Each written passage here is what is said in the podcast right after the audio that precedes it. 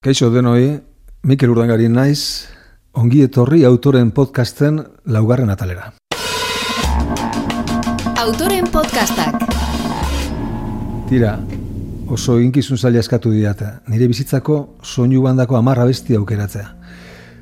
Zaiatu naiz eta lortu dut, naiz eta oaindik ere, hitzeiten nahi natzaizuen honetan zalantza erabatekoan nagoen. Baina bueno, hasiko gara. Autoren podcastak. Niltzen naizenean Aurra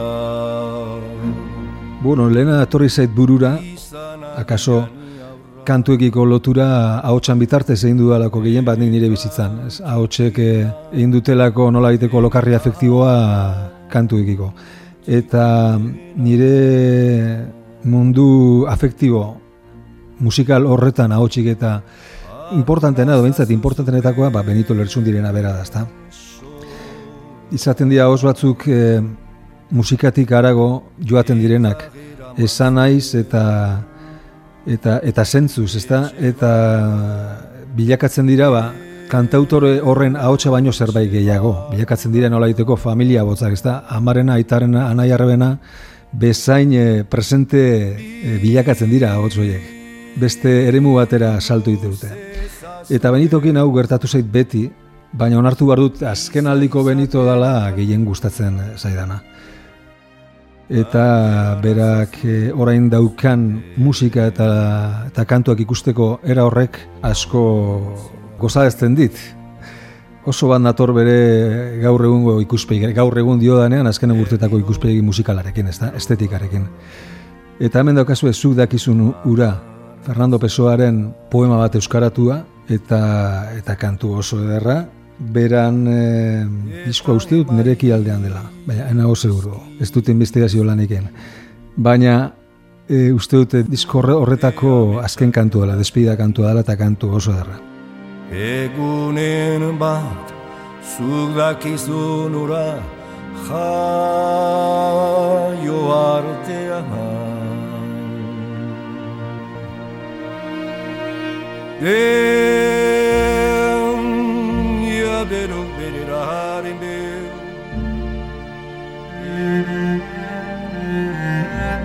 Urrengo kanta Zaharra Zara Bilbo garirena. Jon Maiaren letra daramana, Jon Maiaren beste letra zoragarri bat, esan marko nuke.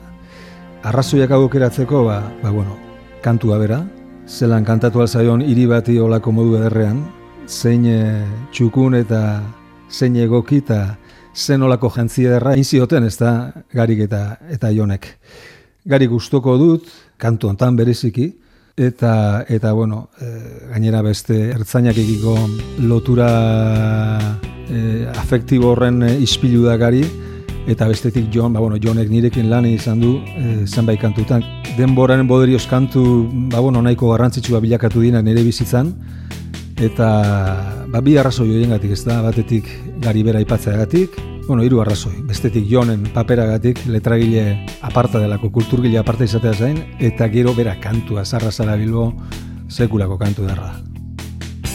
Neoizko argiak erdizintzilik daude taberna gainien Eina zazuzuria kantak dirauen artien Jerritik eltzen ondoen dakien beso luzearen jabe.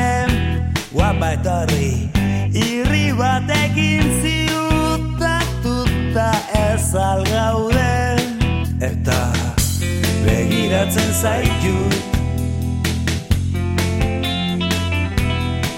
Zerbait esan nahi dizut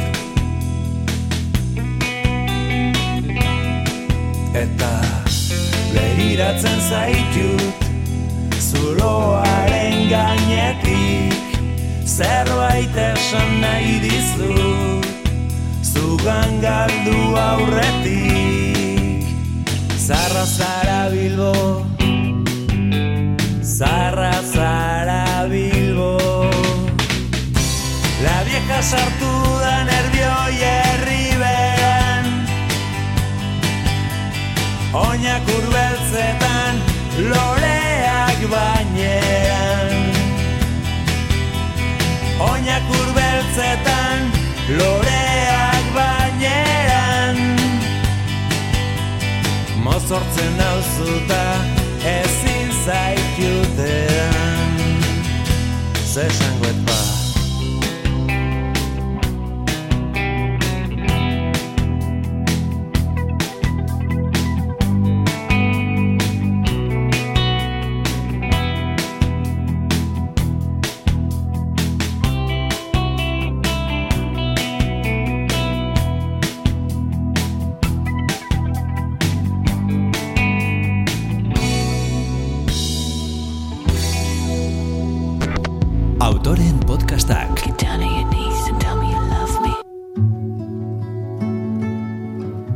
Sol izeneko kantua, Blanco White kantari London darrak idatzitakoa, Josh Stewart da bera, baina ez izena Blanco White dauka. Sevillako frankismo garaiko idazle bati lapurtutako ez izena nola baita esaterran. Bera Spotifyn e, jauzika ibiltzen zarenean deskubritzen horretako zera, gisa horretako kantaria nahi gabe deskubritu nuen eta eta bueno, de repente ahots berezi bat deskubritzen duzunean e, zerbait berezi sentiarazten dizunean eta bueno, bere kantakeran eta bere estetikan nabaritzen duzunean ba, gauzak e, aurkezteko beste gogo bat edo beste inkitude bat, ez? Topatzen dituzunean, ba, bueno, alako postasun bat emate dizute. Eta gero besterik gabe, ondo sentiarazten zaituen musika egiten du mutil honek, bintzat nire kasuan, eta hori arrazoi nahikoa da. Deskubrimendu bat. And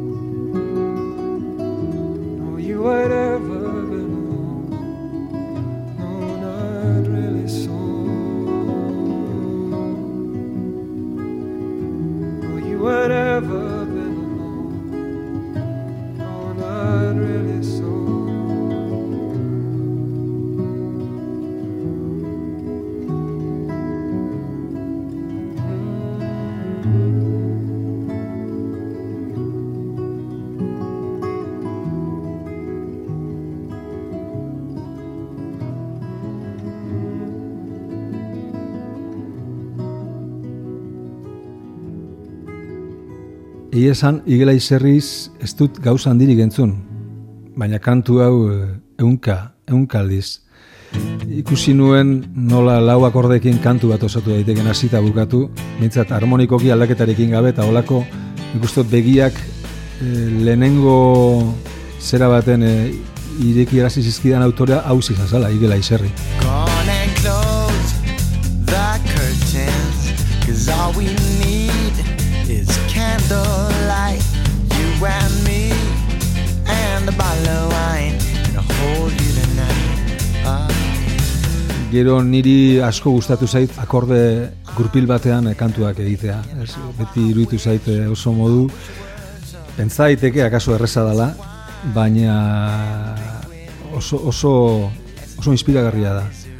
Ze, gurpil, gurpilkada bakoitzak behartzen zaitu zerbait berriak hartzera estetikoki, esan naiz, jakinda errepikapena berabe errekurso bat dala oso ona musikan, beste gabe errepikatu. Eta nik ere badukat kanturik eh, nolaiteko formula hori erabiltzen dudana, maiatza, maiatza kirmen uribiren letra dara mana, hortan berezik ez, ez dut beste egiten, ez dut aldatzen.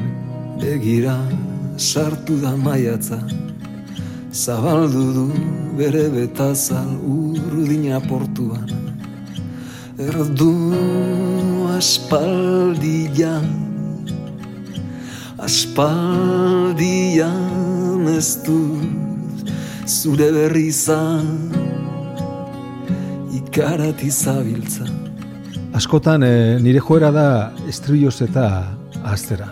Estrioak askotan eskatze dizu e, harmonikoki aldatzea kantua, kanonetan hola agertzen delako sarri, baina kasu estrioa bila dezakizu urpil horretan bertan. Eta da magun ni aspaldi hontan e, saiatzen naiz molde horietatik ateatzen e, kantuak iterako orduan. E, bai parteak e, bilatu kantuetan, bai desarroioa bilatu, baina estriloaren zera hortaz, molde hortaz ahaztuta, arlegia, errepikatzea struktura bera, e, esaldi bera, esaldi berari ematea, e, bai, errepikaren indar horita, ba, horrekin hau beste zeusitzen, naiz eta ez diodan e, bizkarra moten, ez da? Zaleago naiz orain e, kantuak bestera batera garatzeari behira, ez da?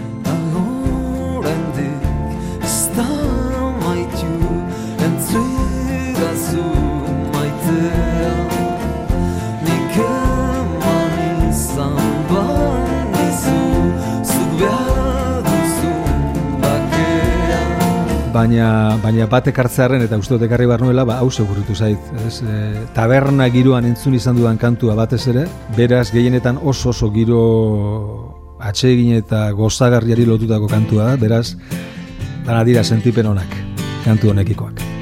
Safe Tonight, Eye Sherry.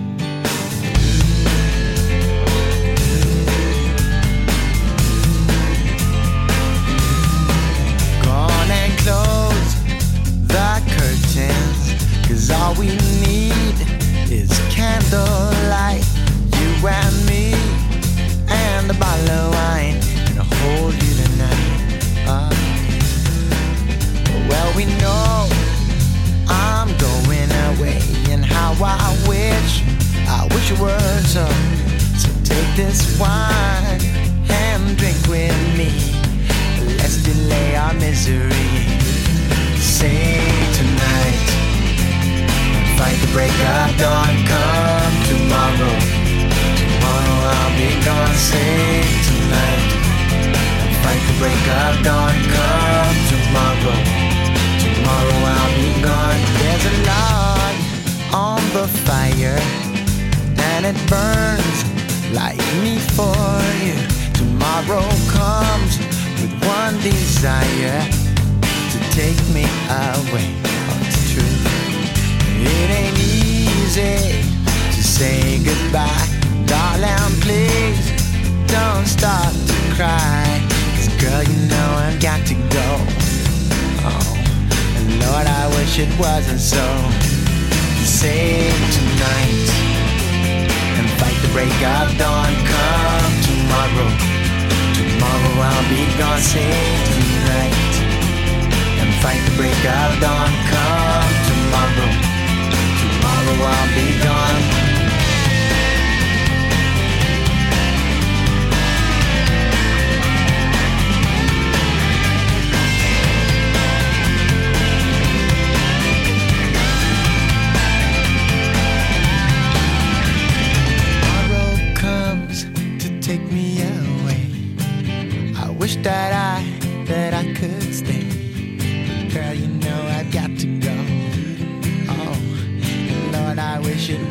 Wasn't. Save tonight. Fight the break of dawn. Come tomorrow. Tomorrow I'll be gone. Save tonight. Fight the break of dawn. Come tomorrow. Tomorrow I'll be gone. Save tonight.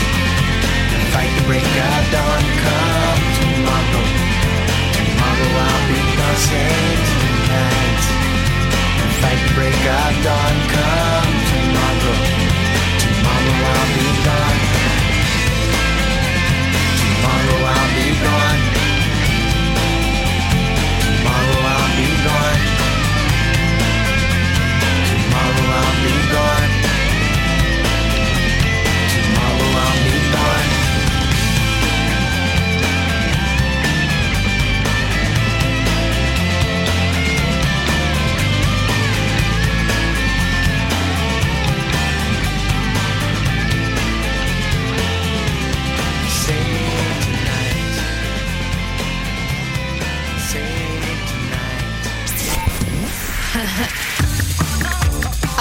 Podcastak.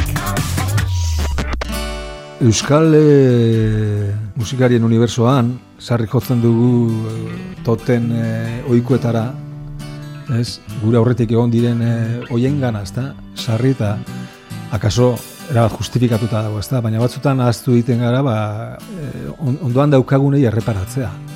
Ez, ez, e, zenbat talentuk inguratzen gaituen, eta batzutan ze kasu gutxi egiten diogun, batzutan errezi jotzen dugu atzera. Eta aldamenean hor da kasu persona bat e, ikarrarrizko talentua daukan, ezta? Eta txuma muruarrenekin hauze gertatzen da. Negarra datorkit begietara Eta uolde baten modura gertzen zait Kalestu ez gogoratzen naiz Ez dut ikusten eiken nahi naizena Ez dakit zertan nabilen dakit, ez dakit, ez dakit, ez dakit Zeari naizen Ez dakit, ez dakit, ez dakit. Akaso ez bere kantuik, e, bueno, honena, ze gustatzen izailkatzea kantuak, baina ez dakit kantuak nahiko fuerte josuen bere sasoian, oso freskoa da, txuma gazte eta bueno, bakarlari gisa nik uste dut bere lehenengo diska izan zela eta bueno, diska marabillosoa, kantu guztiak dira benetan ederrak eta eta ez dakit hartu dut, ba bueno, gogor josuelako sasoi hartan eta bueno, txumaren e, figura aldarrikatzearren letragile gisa eh, apartekoa dela. Kantari gisa ere eh, oso zigilu propioa dauka, timbretik hasi eta kantakera bera oso oso berezia dauka. Jo, eta zaila izaten da olako jendea topatzea. E, olako nortasun haundiko jendea topatzea, ezta? Bai kantaeran, bai letretan, eta bueno, eta iruditzen zait batzutan, ba, zenbait, olako zenbait jendekin e, ikustizi puntu bat edo gertatzen dela, ezta? E, behar luken edo merezi lezaken e, itzala lortzen ez duenean. Eta batzutan hori hori gertatzen da inguru hurbilean eta min pixka bat ematen dizu. Haiko nuke, e, oraindik nire, nire adina dauka uste dut, pixka zarroa kasu izango da, baina merezimenduz beharko luken eremua okupatzea txuma, ez da? Ez artista universal bada. Ez dakit zertan nabilen Ez dakit, ez dakit, ez dakit, ez dakit Zeari naizen Ez dakit, ez dakit, ez dakit Leiuak itxita daude Eta lorontzietan zizikinak. Azirira zaldi erotua da nere bizotza. Izuturik ez betiri joana Nora doan ez dakiela. Atzean usten dunan faltan da hola eta ez daki Zertan dabilen Ez daki, ez daki, ez daki Ez daki, zeari den. Ez daki, ez daki, ez daki Eta lasaitu nahiean Siberiako lauta da izostu ez akordatzen naiz Eta Mongoliako laku isilez ebai Edo ataka estuetatik irira dijoa zen Indigenekin eta orduan galtzen naiz, galdu naiz, galdu naiz. Eta ez dakit zertan nabilen Ez dakit, ez dakit, ez dakit, ez dakit Zeari naizen. Ez dakit, ez dakit, ez dakit Amako paitu zidan bijotza. Ez dakit, ez dakit, ez dakit Bijotzez lai eta beldurtua. Ez dakit, ez dakit, ez dakit Gehiegi sentitzen duen bijotzer gelau. Bueno, Dire Straits baino Mark Knopfler da ni aspaldiz armando ninduena. Baina kantua Dire Straitsena da. Izen, izenburu beredun albundik eh, ateatakoa, Brothers in Arms. Kantu zoragarria, kantu zoragarria. Hor konturatzen zara, nik esan dizut ez da, nola, lehenago esan dizut ahotsek zelako garrantzia duten eh, kantuikiko loktura afektiboa gertatzera bidean, ez da? Baina Marnoflerekin ikusi nuen nola instrumentu batek hartu lezaken ahotsaren paper hori, ezta? Eta Marno Ferrer bere, bere gitarrarekin hitz egiten du.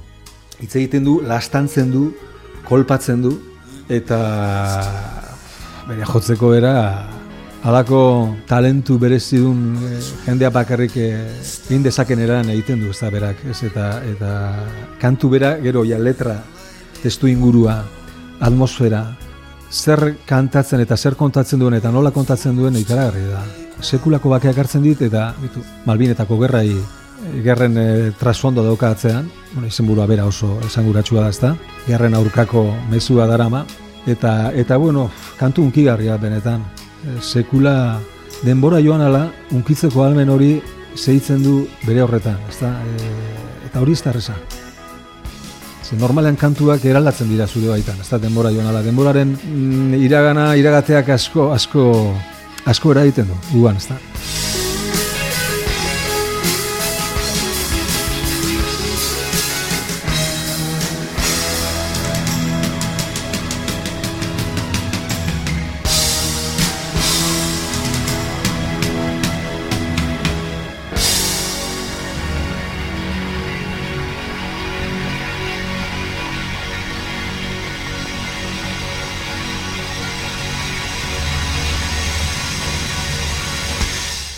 Artista bat ikaragarri gustatzen zaidana. Ez berak egiten duen guztia, baina bai berak egin duenetik badago askotasko ba ikaragarri hon iruditzen zaidana, ezta? Ez eta sari naiz, goratzen naiz, amasei urte nituela lehenengoz eh, Brightonen nengoela ingles ikasten, nire lehenengo Euskal Herritik eh, aparteko bidai hortan topatu nuela kasete bat. Horre, akademiatik etxerako bueltan, kaset bat eh, zinta, zinta erabat guztiz kanpo zeukala. Horaz eza, nola ziren kasetak, zu igual gaztea oza, eta... Eta hartu nuen, de polizan, hartu nuen eta sartu nuen, e, pasentzi haundi sartu nuen, zera bere baitare itzuli nuen, zinta. Jo, eta uda hori pasatu nuen, hilabete bat izan, hilabete hori pasatu nuen, ze, ze kaset hori bueltaka nire Walman zera, hortan erositako Walmanean, eta estinetaz maite du nintzen. E, gerora, eta gaur arte, iraungo zuen maitasun historia ekarriz, ezta? Baina ez da, garai hartako kantu bat ekarriko doana baizik eta Fragile, estin bakarlari lez komposatutako kantu bat ekarri dizuet. Fragile, auskor, euskeraz, kantu ikaragarri ederra da. Tempo erdian idatzitakoa, tempo erdi zalere bana iznita, supermusikari bat iruditzen zait. Gertatzen da gero, akaso izan duela joera ba, dispersioa ondirako, e, edo zein e, pauso ematen du eta batzutan deskolatu egiten zaitu, baina ikarra erizko musikaria da. Fragile, e, hau fragile guiar esaten du kantuan esati baten, eta niretzako gizakion ezagurrik eta erabatekoena edo edo benetakoena da gure auskortasuna eta aldi berean gehien bizkarra gehien ematen diogun ezaugarria bera dela esango nuke, ezta? Gure alde euskor hori izkutatzen gabiltza beti. Eta gainera nolaiteko gizarte honek ere horra bultzatzen gaitu, e, izaera euskor hori izkutatzera. Eta nik ez da aspaldi deskubritu nuen ni auskorra nintzela. Auskortasun hortan edo e, aitortza hortan ere dago nolaiteko indarra eta ari zuntziezin bat, esan ezake. Baina egia da, hoxe garela bat ere auskorrak, eta inungo kalterik ez digula egiten hori onartzeak. Ba, simple esatearen, ba, negarra itearena gaizki ikustea da honean, edo ez tazu negarra egin. Zeratik ez duzu ba, negarrik egingo. Bestea fake bada, e, faltzukeri bada. Orduan, hori gainditzen bauzu ja pausu bat duzu aurrera. Ez, dano gara auskorrak, e, bere burua hola ez daukana, okerra bil. Okerra bil, ez da? Hori, ez, gaina ez dauka, diskusiorik ez dago. Beraz, alik eta azkarren konturatzen e, e, basara hobeto, e, areta hobeto. Euskorra garela holtza gainean, holtza azpian eta eta bizitzako alor guztietan. Eta kantu batean deskubritza esaldi hori entzutea eta unkitza berarekin gauza ederra.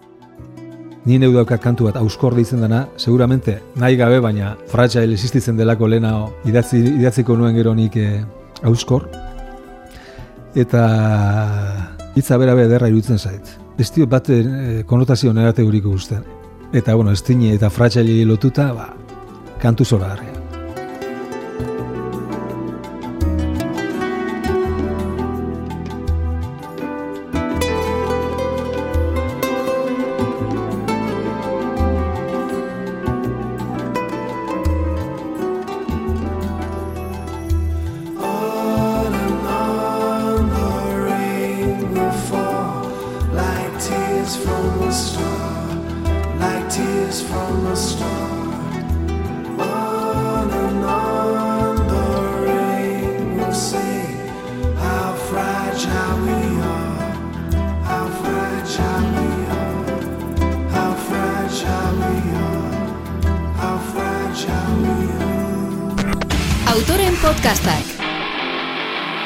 Bruce Springsteen iruditzen zait personaje bat apabuliantea. Birtan egon naiz bera entzuten, eh, behin eh, beken, beti lagunen, eh, lagun honen konpanian eta bigarrenez esamamesen. Bi kontzertu, batez esamezkoa oso oso kontzertu mundiala.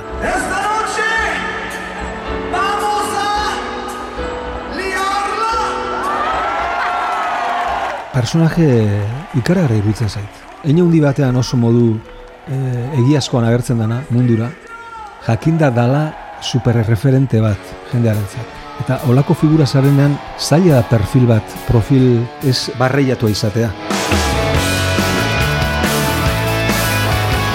Bruce Springsteen lortu du, ba, bai eukitea, diskurso bat oso berea eta eta oso erakargarria. Gero estatuatu da. Bere herrialdearekin oso kritikoa eta aldi berean defendatzailea. Defendatzaile da kritikoa delako. Eta Bruce Springsteenekin ematen da, ematen da, ba, paradigma bat dela, e, gu, gu- guk asko kritikatzen dugu estatu batua sortutako hainbat gauza, baina segurazki ez dago, errealitate horrekin estatu batuarra baino jende kritiko horik.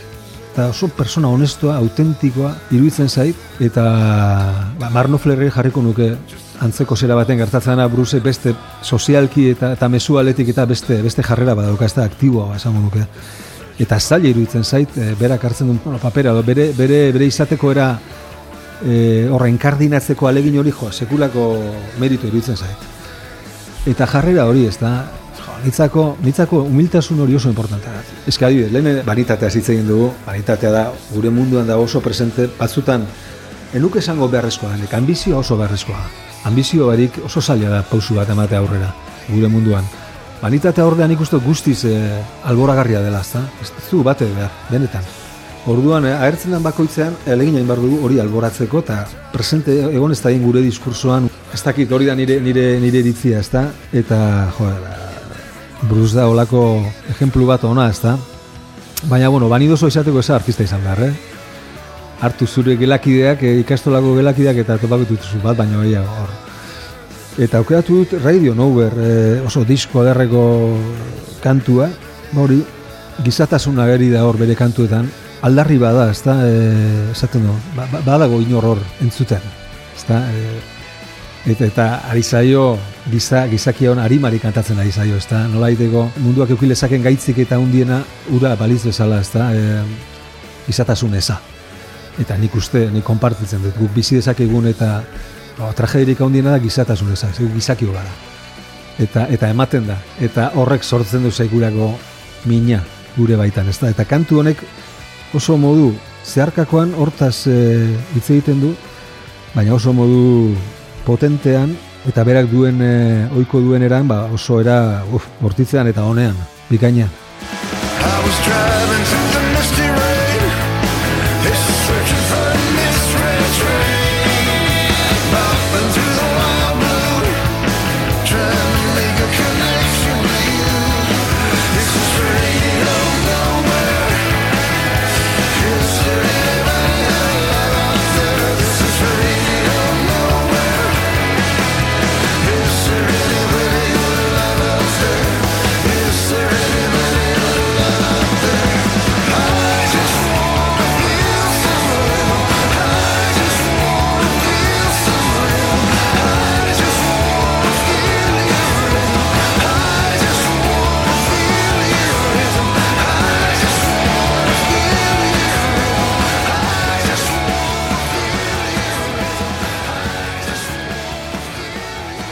Bueno, e, enuen nahi nire kanturik e, ekarri zerrenda honetara, baina esan zenian be posible zela nire kantu, e, aukeratzea, ez da?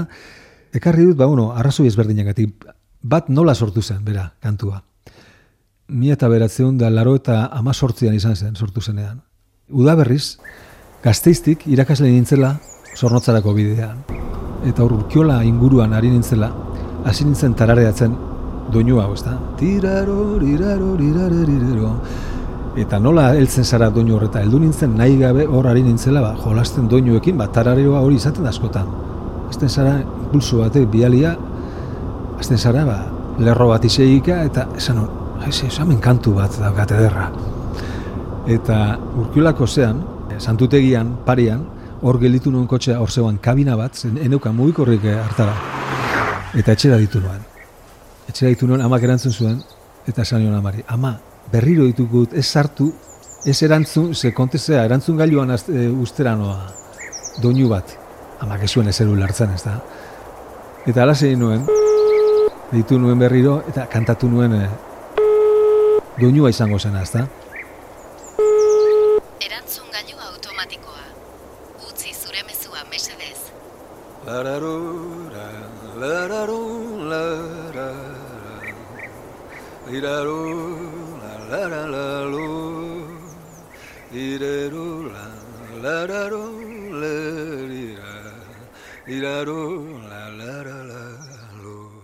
Ero etxera heldu eta hartu eta memoriz ikasi ze sasoi hartan bai utzut eneukan ez da grabagailurik ere. Eta hola sortu zan oso modu e, bitxian askotan jendeak galetzen dizu nola egin duzu kantu hau eta nola okurritu zitzaizun hau beste hau eta eta batzutan ez dakizu gauza nola sortzen dien. Normalean bilatzen dituzu eta egun hartan bidaiatzen nintzela autoan nengoela ba, seguramente bilari nintzen.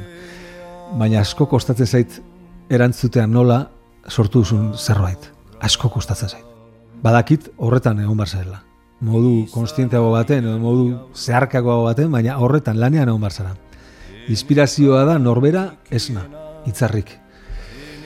Eta badago beste arrazoi bat oso simpatikoa, ba, e, askotan gertatzen zait, ba, nire kantuak, ba, hori, ba, inoiz, e, ba, piztinetako bestureotan egon, eta dutxatzen aidan bat, ba, nire kantu bat e, txistuka kantatzen edo ez dakit, egora ezberdinetan topatzen duzu, baten bat zure kantuarekin hor dantzan. Jaunak aupai, edari goxua. Baina behin, horatzen naiz behin kontzertuan eukala eta gaztizko jaietan, ni parrandarekin gabe, zaintzen urrengo eguneko kontzertuaren gatik, ba, goizeko lauetan, ezin loak hartu zegoen burrun badagetik amen horratzean, hor lehi horren azpian. Eta, altzatzen nahi zure datera eta, jo, edari gozoa. Kriston kuarriatzarra edari gozoa kantatzen.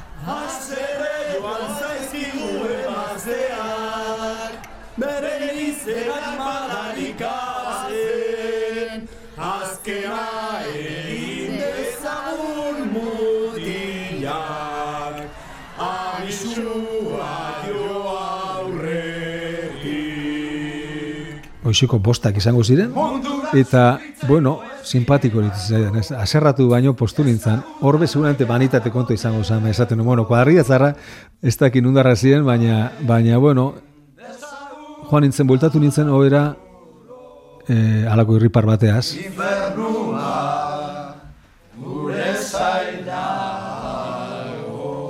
eta eta ez daukat azteko, ez da? Ez daukat azteko. Eta esatuzu, bueno, kantu hau heldu da. Non baitera heldu da. Ez dakit, eta non baitera heltzen danean kantu bat, aragia, zure eremua, zure eremetuik arago joaten danean kantu bat, nik uste ja askoz gehiago ezin dela eskatu. Nik konponitzen dut ez neutzako. Ni naiz lehenengo entzuten konponitzen dudan ura eta eta niri ere kantatzen, nire buruari kantatzen diot. Baina beti nahi duzu zugandik arago joan. Eta hori gertatzen ez den bakoitzen gainera, jo, tragedia txikia bizi duzu. Kantu batek ez duenean egiten, zubiaren bestalderako bide hori, jo, oso, oso zera, ez dut izango traumatikoa denik, baina nolaiteko utxunea sortzen du. Edari gozoa.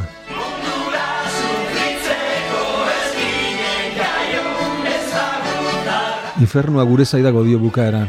E, era bat, e, ez da, zerua maite ez duguni, baina nago repelago dala, eta eta lagunak eta non topatzeko eta non topatuko ditu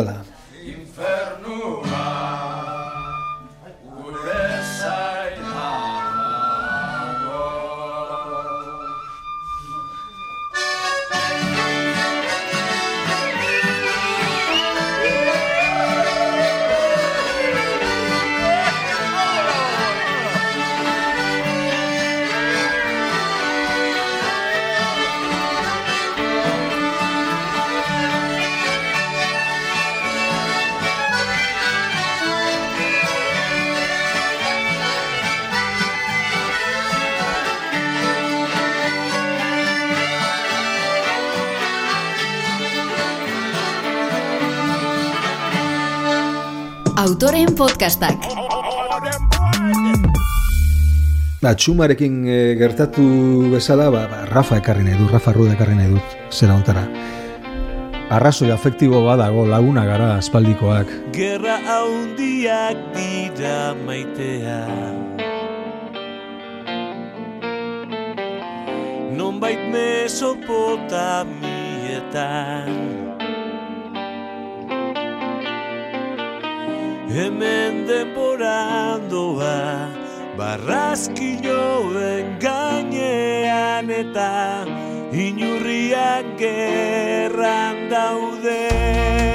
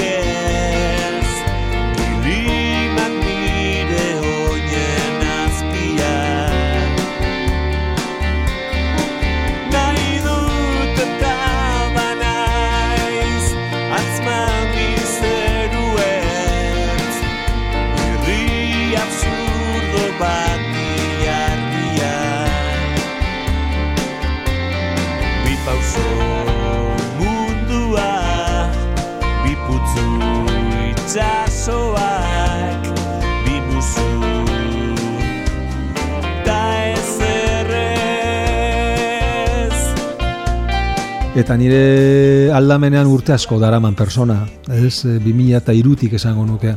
Egun senti asko elkarrekin bizitakoak, e, musikatik harago doan harreman bat, baina arrazoi musikal bat ere badago guztiontaz aparte bera zerrenda honetara ekartzeko, ez da bere, bere talentua. Bai pileteko garaian e, egin zuen agatik, egin zuten agatik, baina bueno, nik hor ardatza Rafangan ikusten dut. Meritua denena da, baina ardatza ikusten dut gehiago e, Rafaren ekarrian. Ba, eskertzeko modua, ezta, e, adibidez nik taldekide gisa aukita irutzen zait opari bat. Beste musikari laukoteak laguntzen dautenak ere opari bera dira, ezta, baina bueno, Rafa ekarri du, ba, bera, bakarlaria delako baita ere. Eta hiri kristalesko honetan, oso zede ederrean, zaila daukeratza kantu bat, baina horroi bati aukeratu du, nahi turreagaren e, letra da mana. Baita ere unairen papera e, mai gainera ekarri nahirik edo. Unai behin izan dit niri kantu bat, baina gehiago oso kantu ba, importante izan direnak nire bizitzan, eta urteak joan ala desagertzen ez direna nire kantutegitik, orduan e, biak omendu nahi ditut. E, eta kantu ikaragarri dutzen zait. Bi parte oso argi dituenak, bueno, jakituria islatze dutenak, ez da, kantuen gaineko jakituria eta nolaiteko ofizioa eta eta, eta bueno, artisau bat ikuste duzunean, sentitze duzun hori, ba, hori sentitze du nik ez da kantu hau entzute doanean, eta kasu honetan, ba, disko osoa entzuten doanean. Autobusaren zai Oinak bustita Etxe bat balulez Familia bat Emeretzi urte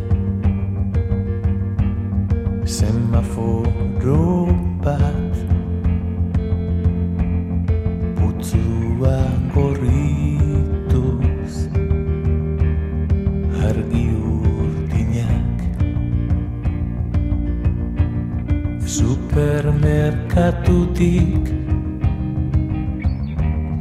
Presaka doa. Poltsan botila bat. Zaparra da Eldu leku barik. Parke batean zerua aterki. Zulatu bat da. Blaik